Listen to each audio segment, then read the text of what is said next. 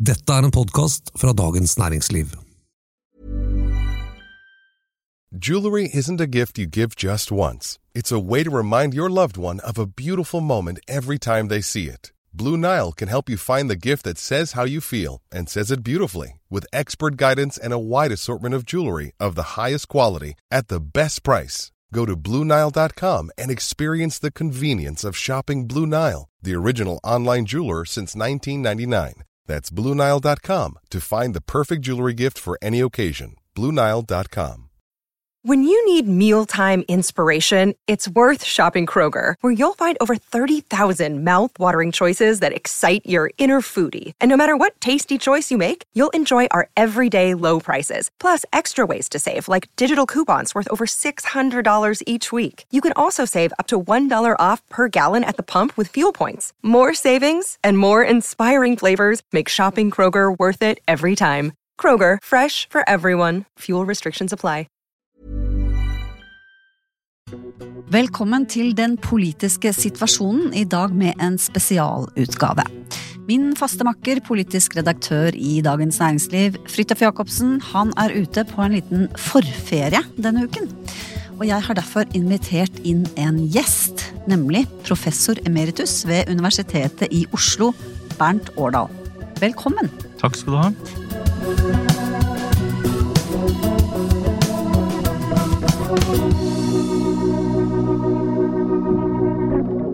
Ja, emeritus sier jeg, men du er jo Det er liksom ikke slutt på, på virket ditt. Altså for de som følger politikk, så, så kjenner jo de deg veldig godt som en som kommenterer eh, norsk politikk, og ikke minst norske velgere og deres bevegelser og motiver for å velge noen partier fremfor andre, osv., osv. Sånn at eh, overskriften i dag, eh, ja, den er litt forskjellig, men sånn en av dem er i hvert fall hva er de viktige trendene og sakene fram mot valget i september. Men når vi nå sitter her, så er det onsdag ettermiddag, og det er kun et par eh, timer siden regjeringen Støre utnevnte en ny eh, kulturminister, nemlig Lubna Jafri. Og det var mye blomster og smil og godt humør på Slottsplassen, og helt sikkert etterlengtet med litt gode nyheter. Eh, vi kan bare gå rett til bakteppet, for det er jo ikke så eh, muntert. Og da lurer jeg på, eh, fra ditt ståsted, eh, den type uke som Arbeiderpartiet hadde forrige uke, med først Tonje Brenna eh, og så Anette Trettebergstuen, som begge krøp til korset og, og snakket om sine problemer med å vurdere egen habilitet. Eh, Hva slags virkning har det på oppslutningen eh, i et parti? Nei, altså man, man vet jo ikke det på forhånd. Det kan, kan være veldig ulike reaksjoner hos, hos folk flest også. Men, men, fra andre hva skal vi si, type skandaler eller hendelser av denne art fra tidligere, så har vi sett at det nok kan ha en effekt umiddelbart, og ikke minst mediene jo, flommer jo over av det. Men den langsiktige virkningen av slike ting er nok ikke så veldig stor. Uh, og det er veldig typisk at mange av de tingene som har skjedd uh, i forrige regjering og regjeringen før der, av folk som måtte gå av og trekke seg, det har vi glemt. Altså, Vi blir veldig sånn fanget av øyeblikket. Ja. Men det er klart, det er jo ikke noe, det er ikke noe positivt for et parti, og kanskje særlig ikke for denne regjeringen, som på en måte har gått litt i motvind nå på veldig mange områder, og hvor det går dårlig på meningsmålingene, så blir det jo liksom sånn at å ja, enda en stein til byrden, liksom. Og det kan jo kanskje da gjøre at det får en litt større tyngde enn man ellers kanskje ville ha fått. Ja.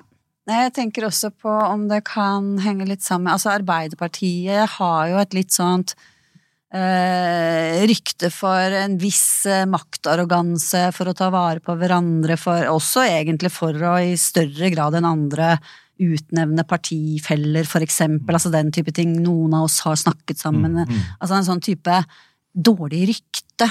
Eh, Kan det kan man tenke seg at av den grunn kan Og når Arbeiderpartiet sliter så Ja, ja. voldsomt som de gjør i tillegg Jo, det er flere som faktisk har trukket inn det. Mm. Eh, og si, det ryktet går ganske langt tilbake i tid, i hvert fall til 50-årene, hvor det var flere hva skal vi si, partiutnevnelser. Så jeg tror nok at Arbeiderpartiet er litt sårbare, ekstra sårbare for den type kritikk.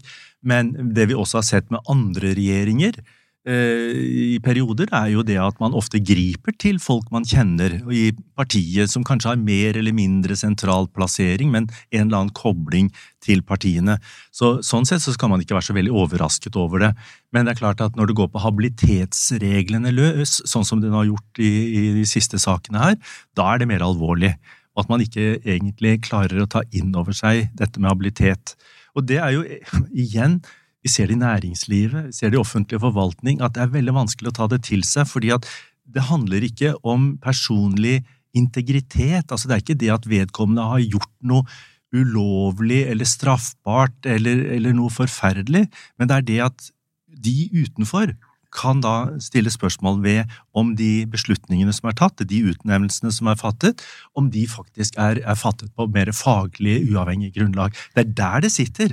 Men, mens ofte så blir det sånn ja, men du må jo ikke beskylde meg for å være uærlig hvis du får den type diskusjoner. Mm. Så det der det er et eller annet som sitter så dypt i, i mange ledergrupper at det, det, det, er vanskelig å ta det inn over seg, virker det som.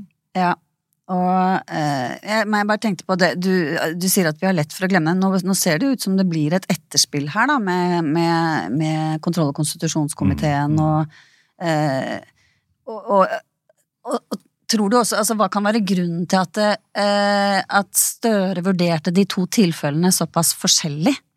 Uh, en ting er grad, uh, men i prinsippet så var de jo skyldig ganske like saker. Kan det henge sammen med at uh, det er litt for vondt og vanskelig å, å, å kvitte seg med Tonje Brenna? Ja, det tror jeg nok. Altså, hun er nettopp valgt i, som ny nestleder i partiet og nettopp kommet inn i regjeringen. Så, så, jeg tror nok at det sitter nok enda lenger inne å skulle kvitte seg med henne. Men som du sier, denne behandlingen i kontroll- og konstitusjonskomiteen vil jo kunne Den er ikke over? Nei, den er ikke over, og det ville klargjøre, for det virker det er flere kommentatorer som har pekt på at de syns det er litt sånn diffust hva som egentlig er forskjellen på de to tilfellene. Ja, det er akkurat det. Um, så lurer jeg på, hva tror du vi, vi, Dette med valget og sånn til høsten og så videre, er det, er det liksom mediene og oss i kommentatorbobla og eksperter og sånn som syns dette er veldig viktig, altså dette med sånn å utnevnt en venn og sånn? Folk flest? Er dette noe som de bryr seg veldig om? Ikke nødvendigvis. Eh, de følger jo ikke nødvendigvis så nært med. Men det blir jo på en måte det som veldig fint kalles narrativet, da, eller fortellingen om politikere generelt. Og det kan nok være noe som ikke er gunstig for, for noen partier. At det blir en sånn fortelling om at de passer nå på seg selv. ikke sant? Så, så er, jeg tror nok at det er veldig avgjørende for tilliten til politikere at man holder denne, disse habilitetsreglene i hevd, og så tar det på alvor, og at man da rydder opp og reagerer på det. Eh, fordi at, som også flere har sagt, det er noen gråsoner. altså Det er ikke nødvendigvis ja eller nei om man er habil eller inhabil, men det kan være noen sånn tvilstilfelle. Men da er det veldig viktig at man forankrer det i noen si, instanser, organer, personer som, som, har det til oppgave. Ja, For nå kan det nesten se ut som at i og med at det er sånne glidende overganger og vanskelige eh, definisjoner av akkurat når det inntrer med inhabilitet, så blir det også ganske sårbart for Eh, for mer makt eh, Altså at, at, det egentlig er andre krefter som avgjør da, hvordan, hvordan, hva slags reaksjon du får fra ditt parti. Altså, mm. Nettopp det som var inne på med, med, med, Tonje Brenna, som, er en, eh, som på en måte er den nye vinen for et parti som har slitt uh, mm. veldig mye, ikke sant. Og kunne vel ikke passe dårligere med en sånn uh, ripe i lakken. Og da kan det bli en sånn tendens til å og kanskje liksom eh, legge godvilja til, da, ikke sant, i mm. tolkningen, mm. fordi, det er, fordi, det er, glidende overganger. Mm. Uh, og så kan man jo også stille spørsmål om dette er er dette bare to tilfeldige personer som, ikke, som liksom ikke ser alvorlig nok på habilitet, eller har det noe med hva som sitter av praksis i veggene både i departement og i parti? Det kan jo virke som at der er det behov for å gå opp disse sakene igjen. For det er jo flere som eh, for så vidt også av de involverte som har vist litt sånn til at for eksempel det å kunne foreslå navn, eller nevne navn, altså ikke være med på selve utnevnelsen, men å, å kaste inn navn, at det på en måte har vært godtatt mm. i, i, departementet, eller hvor det nå har vært, eh, og at det egentlig ikke er jeg, brukbart eller godt i forhold til habilitet. Det tror jeg nok er, er litt sånn, virker som at det er en, en nyhet for, for en del av de involverte. Og, og, der har du igjen disse grenseoppgangene. Altså at, at, folk formelt kan definere seg som inhabile, men så likevel så spiller de inn ikke sant, for å opplyse saken, kan man jo gjerne kalle det, og så si at jeg vil jo bidra til saklig informerte vedtak, og så plutselig så tråkker man over en, en, en grense. Mm. Så det, dette er, er, jo et vanskelig, vanskelig område, egentlig. Og i noen tilfeller så vil, vil kanskje folk ha stor forståelse for det, i andre tilfeller som kanskje er lignende, like ganske like, så vil de si nei, dette går ikke. Nei, og da tror jeg liksom at det er andre ting som spiller inn, ja. da. At man har tabbekvote, og man henger ja, ja. i mer og mindre tynne tråder og så videre. Sånn at det er jo litt interessant, for det blir jo ikke da Det er, det er jo ikke så lett å få belyst, der man liksom viser til de formelle tingene, og, og, og så er det egentlig litt vikarierende, da. Mm. Uh, og jeg syns jo også Støre gikk langt i å og på en måte tegne et bilde av at dette her er, dette er helt soleklart. Her har, jeg har de ikke lest boken? Her mm, står jo mm, reglene, mm, liksom. Og eh, sånne ting. Eh, så enkelt er det jo ofte ikke, da. Man ikke lærer ikke liksom, kultur og ledelse med å lese en uh, regelbok. I hvert fall. Nei, det, normalt, ikke normalt. Det er jo veldig mange felter av både politikken og samfunnslivet hvor det ikke er alltid så enkelt. Ja, det er jo det. Da skal vi straks bevege oss eh, litt videre og se på hva som blir det viktigste og mest spennende foran det valget som vi skal ha i september. Selling a little or a lot? Shopify helps you do your thing however you cha-ching. Shopify is the global commerce platform that helps you sell at every stage of your business. From the launch your online shop stage to the first real life store stage, all the way to the did we just hit a million orders stage.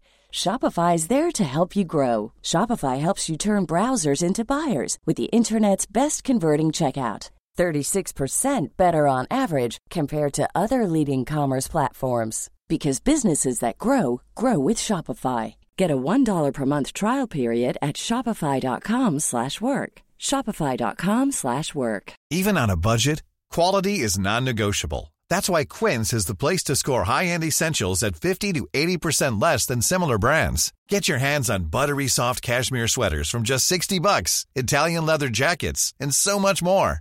And the best part about Quince, they exclusively partner with factories committed to safe, ethical and responsible manufacturing. Elevate your style without the elevated price tag with Quince. Go to quince.com/upgrade for free shipping and 365-day returns.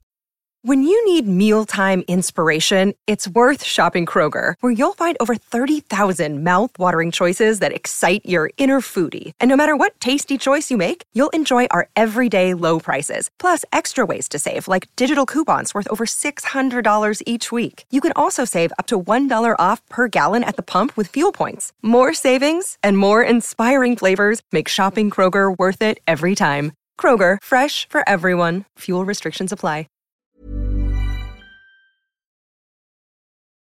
Det er jo valg til høsten. Um, jeg har lyst til å begynne med noe som kanskje er liksom noe av det nyeste, nemlig fremveksten av dette industri- og næringspartiet. Um, hva for en skapning er det, har jeg stilt spørsmål om det. Det stilte jeg til meg selv, og nå stiller jeg det til deg. Hvor, hvor vil du plassere det partiet hen? For det første så er det si, interessant at vi, det dukker opp en del nye partidannelser, har gjort det de senere årene, eh, som ikke alltid er så like lett å plassere inn i det liksom, politiske landskapet vi har definert. Eh, og, og, dette partiet er jo nettopp et eksempel på det. Eh, at de plasserer seg, at de sier at de er et sentrumsorientert, distriktsvennlig parti. Men eh, i det kan det jo ligge veldig mye forskjellig, og når man går igjennom partiprogrammet, så ser man at det er veldig mye forskjellig, og at de på en måte plasserer seg De tar standpunkter som ellers kan hentes fra litt forskjellige partier. Kanskje i hovedsak så syns jeg nok at både Fremskrittspartiet, Senterpartiet, kanskje også Arbeiderpartiet til en viss grad, eh, at vi finner igjen saker som, som en del i de partiene vil være enig i. Men, men poenget er det at de, det er ikke sikkert at de som da vil være enig med dem i noen av de enkeltsakene, er enig i andre standpunkter som dette partiet har. Og det gjør på en måte at dette blir litt sånn vanskelig å plassere, og det er jo noe av hensikten deres. at De vil, de sier jo det at det er den sunne fornuft som skal, ja. skal herske. De skal ikke ha noen ideologi eller noen, noen sånne, sånne, ting. De skal, de skal liksom ut fra sunn fornuft og arbeidslivserfaring, som de også legger vekt på, så skal de komme fram til, de gode eh, standpunktene. Og i utgangspunktet så kan man si at det kan jo være en smart oppskrift for å hente velgere fra ulike kanter, fra ulike partier. Samtidig så skaper det også en utfordring at en del velgere som kommer da fra andre kanter, plutselig sier at ja, jeg er enig med dere her, men her er jeg jo ikke enig i det hele tatt. Ja. Og sunn fornuft er jo eh, da som kjent eh, ikke, eh, ikke noe enhetlig begrep. Det er vel egentlig bare sånn alt godt, på en måte. Eller sånn det er et sånn type begrep som ingen er imot, selvfølgelig. Mm. Eller skal veldig, Med mindre man har definert hva det står mm. for. Men, men altså, noe har det jo i navnet. Industri- og Næringspartiet. Og det, det startet vel eh, kanskje der. Eh, dette med liksom ta vare på, ikke minst versus eh, Miljøpartiet De Grønne. Altså ta vare på olje- og gassindustrien. Ja. Det er liksom en sånn sentral bærebjelke. Ja. Partiet ble jo stiftet i 2020. Ja, Så det er ganske det, nytt? Ja da, det er ganske nytt. Og det var jo også, tror jeg nok, en, en, si, en motreaksjon mot en del av disse Eh, forslagene bl.a. Fra, fra klimahold om at man måtte kvitte seg med mange arbeidsplasser innenfor olje- og gassektoren og redusere den. Og, og, det var jo forslag om ganske dramatiske kutt også.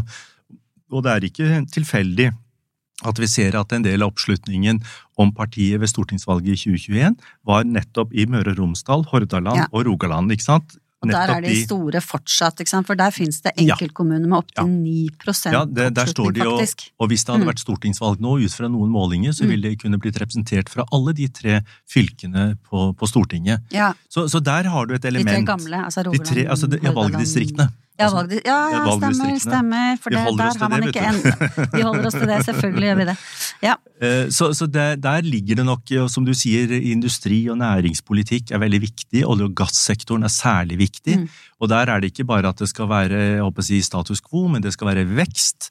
Og man skal også ha en, en lete, økt letevirksomhet, fortsette letevirksomheten.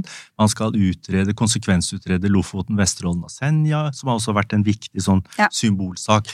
Så, så, det er noe som gjen, går igjennom. Men så er det veldig mye knyttet til andre næringer. Landbruksnæringen også er, er inne i bildet, at de må sikres gode vilkår. Så der har du liksom appeller som også går inn i Senterpartiet om desentralisering. Eh, det er, et, det er, en del sånne små si, tegn i, i, partiprogrammet, blant annet når det gjelder olje- og gassvirksomheten. Så sier de at det bør være plikt eh, av eh, disse firmaene å rekruttere ansatte fra hele landet.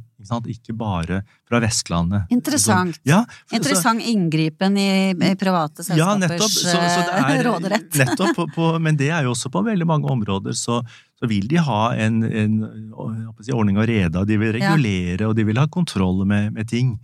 Ehm, men nasjonalt, for det er også Ja, det er vel nasjonale også... eierskapet er helt avgjørende, ja. og det gjelder jo vannkraft også.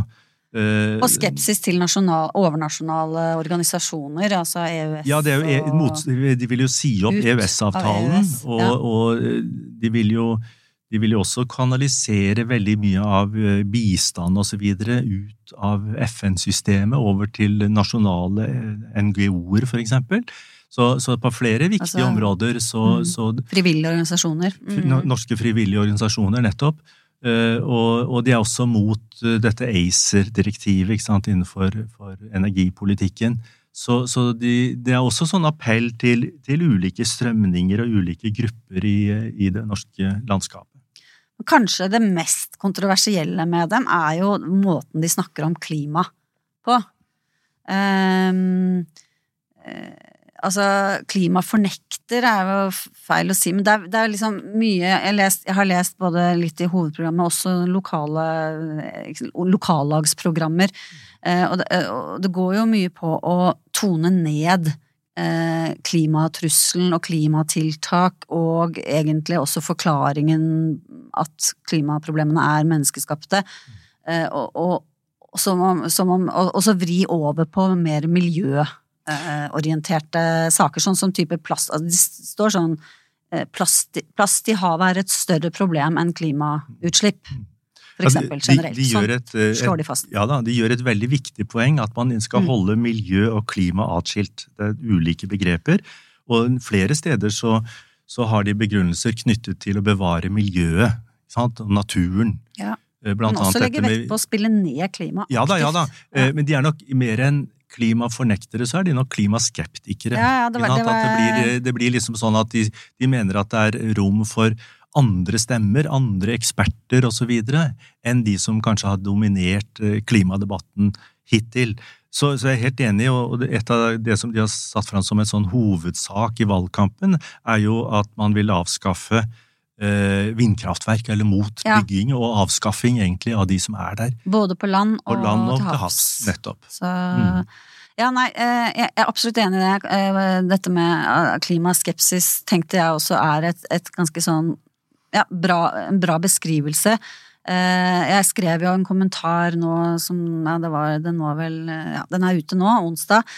Um, og da fikk jeg en god del spørsmål fra, fra folk i det partiet med om jeg kunne definere hva klimaskepsis var. og Sånn, så jeg, jeg vet ikke om de, Det er ikke komfortabelt, eh, i hvert fall ikke for alle. Altså, de vil ikke si 'jeg er en stolt klimaskeptiker'. Eh, for det, det er nok litt fordi folk bruker det i negativ Ja. eh, Ikke sant, at det har en negativ konnotasjon, da. Ja. Men eh, ja. Nei, men jeg, jeg tror at eh, det er vanskelig, alltid vanskelig å plassere partier i, si, i Mm. forhold til noen sånne dimensjoner og akser. Eh, Jeg tror nok at, at eh, partiets klimasyn må ses i sammenheng med andre partiers syn. Og, og det partiets velgere som har vært mest hva skal si, skeptiske eller stilt spørsmål da, ved en del av disse eh, tingene knyttet til, til menneskeskapte klimaendringer, har jo vært FrPs Mm. velgere. Mm. Så, så sånn sett, så, så på det, den saken der, så ligger nok INP og Fremskrittspartiet liksom litt i, i den sammenhengen. Og så kan det Frp være har blitt forsiktigere, ikke Ja. sant. Sånn at der har det kanskje vært en sånn luke de har gått inn og tatt litt. i hvert fall noen vil, vil kunne si det. for Ja, spade ja, at det kan være at de, at de er litt tydeligere og snakker litt med høyere stemme holdt jeg på å Mm. si, enn enn- en andre. Eh, Men ellers er det også interessant fra, fra forskningen, som blant annet eh, vi har vært med på, at eh, denne, hva skal vi si, anerkjennelsen og aksepten av at altså klimaendringer er menneskeskapt, den er veldig utbredt i Norge. Men hvis du ser på en del av de som da sier dette, at jo da, de er menneskeskapt, så er det veldig variert i hvilken grad de tar noen konsekvenser av det i forhold til stemmegiving og politisk syn på andre områder. Slik at det er, en, det er et interessant skille der mellom folk som er veldig engasjert i, for så vidt, i miljøarbeid, miljøvern, Mm. Eh, og som da for eksempel en del av disse som da sier at klima er menneskeskapt, ikke har det engasjementet på samme måte. Slik at sånn sett så er det kanskje veldig mange som, som har på en måte akseptert det der med utsagnet om at det er menneskeskapt, som ikke egentlig er så veldig engasjert i det. Og der, da blir det jo liksom litt rom for noen som sier at kanskje det ikke er Ja. så enkelt. Men jeg, jeg, jeg syns jeg har hørt eh, Jeg har ikke akkurat referansen her nå, men at Mm. Norge ligger langt oppe på å ikke tro at det er menneskeskapt. Altså Det spørs hva Og- du sammenligner med, men det er ganske Ja. stor andel i, i våre data, så er det en ganske stor andel som, som sier at, det er, eh, at de er enig i en påstand om at det er menneskeskapt. ja. Men det, det finnes andre undersøkelser, og det kan være andre formuleringer av spørsmål og sånt. da. Ja, og jeg tror ikke det er sånn at det er, det er liksom ikke nedfelt i, i INP sitt eh, program at de, at de ikke er det. Men, eh, ikke sant? Så det, det, går, det går på en sånn åpenhet med at det ikke behøver å bety så mye. Ja, Det er også og så videre. Eh, Eller rent klimatiske endringer og så videre. Så, men nå ligger det jo an til Jeg bare så sett et par målinger hvor de får over 3% på nasjonal basis. Og så enkelte kommuner da opp i, på Vestlandet har de målt opp til 9. Ja, en- altså Enkelte nasjonale målinger har dem nesten opp mot 4. Ja, Og da begynner vi å snakke om ganske mange velgere. For Hvis vi går tilbake til sist eh, kommunevalg, så hadde vi jo denne folkeaksjonen mot bompenger. Som fikk 2,4% oppslutning, og det var fem, over 65 000 velgere. Så hvis du liksom Og i enkelte byer så gjorde de jo ja, ja, ja, regnbord, ja, nesten. ja, ja, Bergen blant annet. Ja. Så, hvis du, så sånn sett så, så kan det godt være at ja, INP kan få 70 000-80 000 velgere plutselig, eh, hvis disse målingene skulle holde seg fram til valget. Mm. Uh, hvor, hvor, vil vi, hvor vil vi se liksom, deres innflytelse i størst grad, tror du da? Nei, og der har du jo da dette fenomenet med at, at man tenker jo sånn at ja, men eh, åhå, de får 3-4 prosent eller 2 eller hva som helst, det er, jo, det er jo ingenting sammenlignet med de største partiene. Men i kommunepolitikken så er det jo ofte sånn at det kan være vanskelig å bygge koalisjoner? Som, som skal være på en måte styrende for, for, kommunen. Og da vil jo et parti som får kanskje bare én eller to representanter, kunne ligge på vippen. Og det er jo flere målinger lokale mål, bymålinger, mm. storbymålinger, som har liksom pekt litt i retning at de ligger ikke så langt unna at de kan komme på vippen i flere byer. Oslo blant annet, ikke sant? som jo er kjent for å ha ja. hatt uh, veldig innflytelse av uh, eh, MDG. Nettopp, og, og, de definerer seg jo på en måte også litt som det motsatte av MDG. Ja, mm. det er litt sånn uh, for parkeringsplassenes fremme, mm. på en måte. Mm. Og det er jo helt klart et marked, hvis man skal kalle det det, tror jeg, for jo, jo, de synspunktene også i Oslo. Ja, ja, og de, har jo, de, har jo, de er også mot bompengefinansiering av mm. veier, ikke sant? så de har jo også tatt opp en del av de sakene som FNB, eller nå Folkets Parti, ja. uh, står for. Ja. Så, så, og de har jo de har jo slått seg sammen med Helsepartiet. Det gjorde de nå her i begynnelsen av året. Mm. Så, så det, er et, det, er et, parti som nok skiller seg litt fra en del av disse andre partiene. Ikke bare når det gjelder meningsmålingene, at de synes å få litt mer oppslutning, men at de kanskje er, eh, har en noe bredere basis enn kanskje en del sånne enkeltsakspartier tidligere har hatt. Ja, det virker jo sånn, og det virker jo også som, som du har vært inne på før i intervjuer også, at de har bygget seg opp mye mer systematisk. Ja. De har over, eh, hundre, de har hundre, over 100 lokallag. Mm. Og, og, stiller i alle, alle fylkene osv. Så, videre. så Så det at de satser såpass mye på organisasjonsbygging, er veldig interessant. Og det har også vært noen interessante eksempler på at det har vært hva skal vi si, eh, folk som har brutt med sine tidligere partier, ja. Eh, og som da gjerne vil stille for INP, og hvor partiledelsen der har sagt nei. Det får de ikke lov til. Hvilke partier var det da, typisk? Ja, Demokratene ja. har jo vært i hvert fall ett tilfelle, mm. nettopp. Mm. Og, og, og, sånn sett så, så, virker det som at de har hva skal vi si, mer styring om hva de både vil med partiet, og kanskje også hva de ikke vil med partiet. Mm. Litt kontroll på den eh, fjøslykta, som det het. Ja, som Anders Lange var inne på, ja. ja, ja. Altså, var det, hva var det han sa? Han sa at det er litt som å henge ut en fjøslykt. Det kommer mye flygende når du setter ut en fjøslykt i sommernatta, sa han. det var akkurat det han sa. Og da snakket han om, eh, om hvem, hvem, som kom og ville være med i hans ja, ja. Anders Langes parti. Senere da Fremskrittspartiet. Um, ja, nei, men det er jo uh, Dette her er jo veldig spennende, og det er, det er, jo ikke sikkert det bare blir en døgnflue. Eller mye tyder på at det ikke blir uh, helt likt som bompengepartier. Det, det er altså, i hvert fall ganske mange forskjeller. Det å bygge en partiorganisasjon er i hvert fall et grunnlag, et mm. bedre grunnlag for å bygge videre. Men som jeg var inne på i sted, det som er en, en nesten en slags sånn spenning innad, er jo på en måte den politiske om det er på en måte litt sånn heterogeniteten eller ulikheten, at det kanskje vil tiltrekke seg folk som egentlig kommer fra litt ulike kanter, og hvordan man klarer å få de til å trekke sammen, kan jo være en utfordring. Ikke minst ja. hvis de da blir valgt inn i kommunestyrer og fylkesting, hvor de må ta stilling til en masse forskjellige saker, mm. og til og med saker som ikke står i partiprogrammet. Ja, I Bergen for eksempel, så tror jeg de først og fremst har markert seg i forhold til bybane og sånn. Ja, da, det, så, det, men det er jo typisk lokalpolitikken, da. Den uh, har jo vært et mareritt for ja. bergenspartier lenge. Det må jo det. Men en, en annen, et annet eh, fenomen dette året her er vel også storbytrillerne. Der er det liksom Der er de på rekke og rad utsatt for, for et politisk skifte. Ja, sånn som meningsmålingene ligger nå, ligger så, så, så, så, ser det sånn ut. Og det har jo særlig med Arbeiderpartiets svekkelse, ikke alle byene, men, men, i en god del byer, og Høyres veldig sånn klare framgang. Vi kan jo snakke om, altså Det gjelder i hvert fall Oslo, Bergen, Stavanger og Trondheim. De ja, er men, ganske relevante med tanke på VIP-posisjon. Ja da, og du har jo Kristiansand og, og Tromsø ja. og sånt også, mm. så, så det, er, det, er, flere. Og så er det det at man, man, ofte fokuserer på storbyene, for de blir sett på som utstillingsvinduer for partiene. Så det å liksom gjøre det bra i, i storbyene, det mm. gir større synlighet. Er det utstillingsvinduet? Fungerer det sånn? Det er jo et godt spørsmål, fordi at det vi også ser, er jo at det kan være veldig ulike grupper av partier som står bak da, disse ordførerne, enten de kommer fra Høyre eller fra Arbeiderpartiet. Jeg ser på Stavanger, for eksempel. Hun, det er jo altså, seks er forskjellige partier som, som, som, nettopp, som samarbeider. Så, så, sånn sett så kan vi si at det kanskje legges litt for mye vekt på det, men, men nesten som litt sånn symbol, og ikke minst også som et tegn på om man er i støtet framover, eller om det går bakover med partiet. Så, sånn sett så spiller det en, en mye sånn viktig psykologisk rolle, tror jeg, mm. hvordan det går i, i, de store byene. Men det man ofte glemmer, no, særlig nå, det er jo det at for Arbeiderpartiets vedkommende så var det jo ikke bare sånn uh, sus og dus ved forrige kommunevalg heller. Det var jo flere av disse kommunene, byene, hvor Arbeiderpartiet gikk ganske markant tilbake. Det gjelder jo blant annet i Oslo. Ja. Nemlig. Uh, ja, hva tror du? Hvordan ser disse byene ut?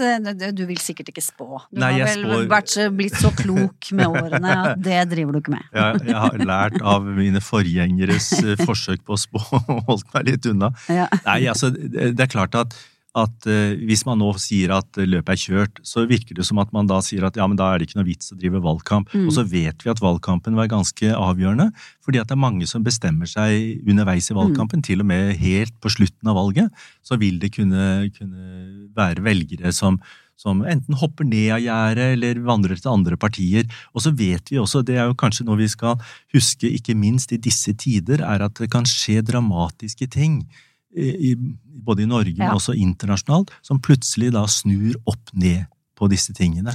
Ja. Som, som, gjør at uh, da kommer det en, en, annen form for alvor inn, uh, og som kanskje kan, kan, få en del velgere til å flytte på seg. Ja, det, det var egentlig en veldig sånn eh, bra overgang til det, det, som jeg tenkte på også. Det er, hvis man ser på det politiske landskapet, la oss si liksom før valget i 2021, da, og nå, hva er det vi snakker om av saker? ikke sant? Mm. Da var man på vei ut av en pandemi. Mm. Det var, det var, liksom Vedum som eh, freste oppover eh, kysten og lovte gull og grønne skoger og mm. distriktsopprør og, mm. og sentralisering.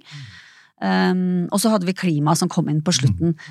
Uh, ingenting av det er jo relevant. Nå er det veldig Altså, vi har helse og skole som alltid, men også i veldig stor grad lommeboka. Lommeboka i ulike varianter. Uh, skatt, krone, rente osv. Hvordan vil det slå inn i et lokalvalg?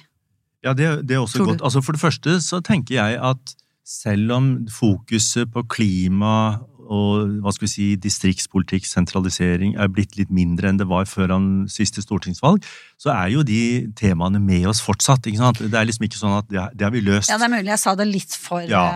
men, men, Dyttet men, litt ned, lenger ned ja. på lista, da. Men, mm. men uh, undersøkelser uh, nå ganske for noen måneder siden om hva folk var opptatt av i, i lokalvalget nå, som Aftenposten blant annet gjennomførte, viste at veldig mange av de sakene som var der, det var sånn helse, sysselsetting, altså mm. økonomi men, men, det var mye økonomi? Ja, og det var mye velferd også.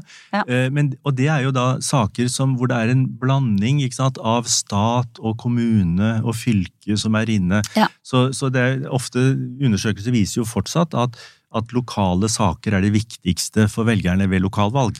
Men hva er lokale saker? Det kan være saker som nettopp har denne dobbeltbunn. Helsepolitikk. Veldig mye av velferden produseres ja. i kommunene. Det er de som leverer ja. de tjenestene. Samtidig så er de avhengige av hva de får av ressurser og retningslinjer fra høyere hold. fra fra statlig hold, fra Stortinget. Så, så det er det der vekselspillet mellom de lokale og, og de nasjonale sakene.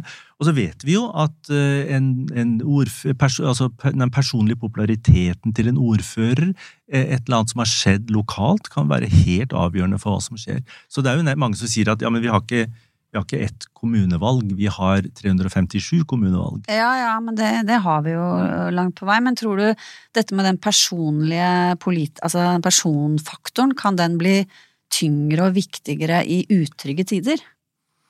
Det vet vi ikke så mye om. Totalt sett så ser vi at eh, vekten på person faktisk har gått ned ved kommunevalg av det som har vært gjort av undersøkelser.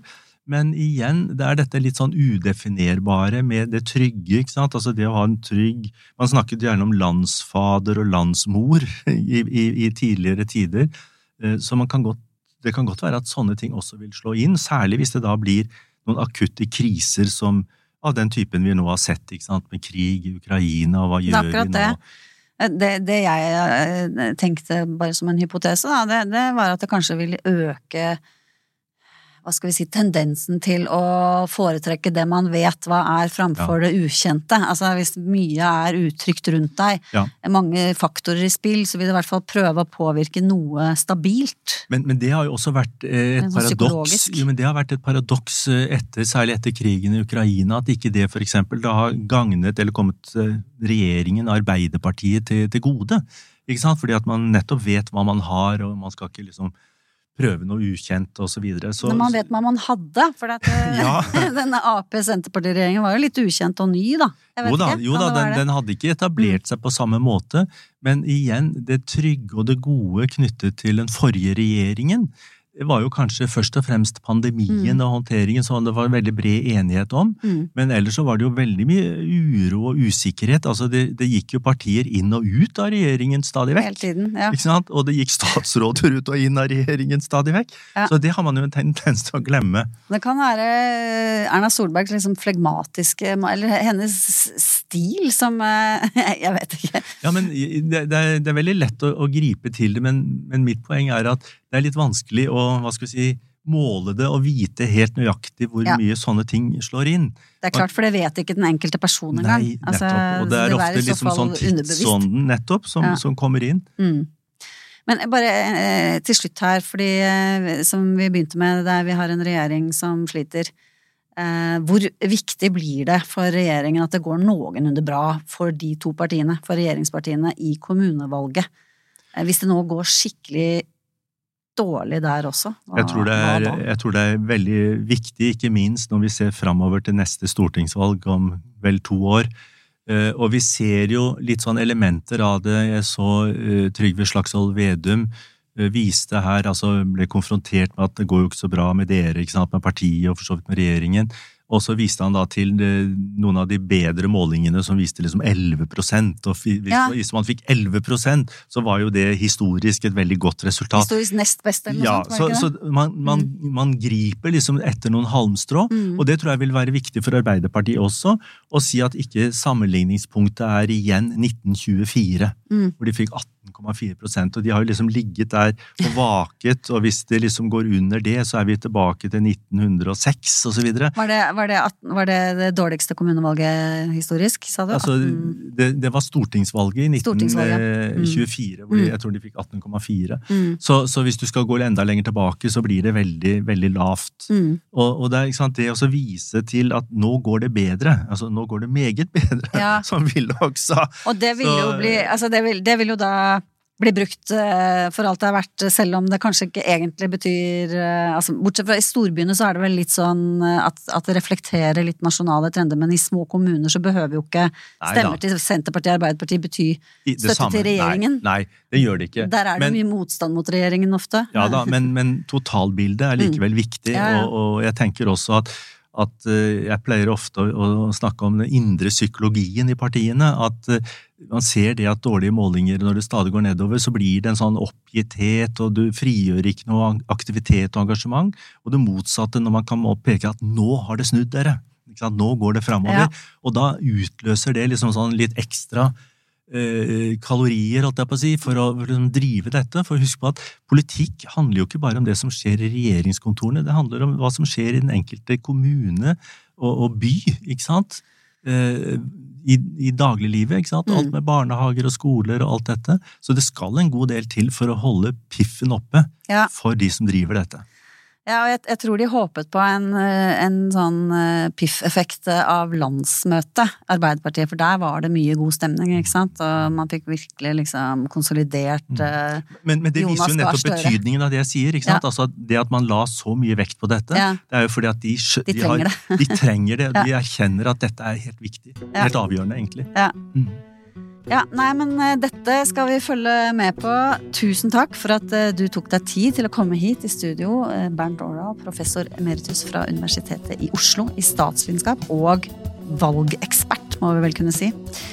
Jeg heter Eva Grinde, er kommentator i Dagens Næringsliv, og hver uke så sender vi denne podkasten, Den politiske situasjonen, ut på torsdager. Følg med, del, lik og lytt. Ha det bra!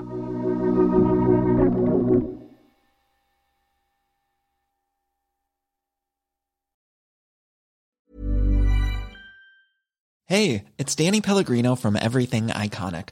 Ready to upgrade your style game without blowing your budget? Check out Quince. They've got all the good stuff shirts and polos, activewear, and fine leather goods, all at 50 to 80% less than other high end brands. And the best part? They're all about safe, ethical, and responsible manufacturing. Get that luxury vibe without the luxury price tag. Hit up quince.com slash upgrade for free shipping and 365 day returns on your next order. That's quince.com slash upgrade. When you make decisions for your company, you look for the no brainers. If you have a lot of mailing to do, stamps.com is the ultimate no brainer. Use the stamps.com mobile app to mail everything you need to keep your business running with up to 89% off USPS and UPS. Make the same no-brainer decision as over 1 million other businesses with stamps.com. Use code program for a special offer. That's stamps.com, code program. When you need mealtime inspiration, it's worth shopping Kroger, where you'll find over 30,000 mouthwatering choices that excite your inner foodie. And no matter what tasty choice you make, you'll enjoy our everyday low prices, plus extra ways to save, like digital coupons worth over $600 each week. You can also save up to $1 off per gallon at the pump with fuel points. More savings and more inspiring flavors make shopping Kroger worth it every time. Kroger, fresh for everyone. Fuel restrictions apply. Du har nå hørt en podkast fra Dagens Næringsliv.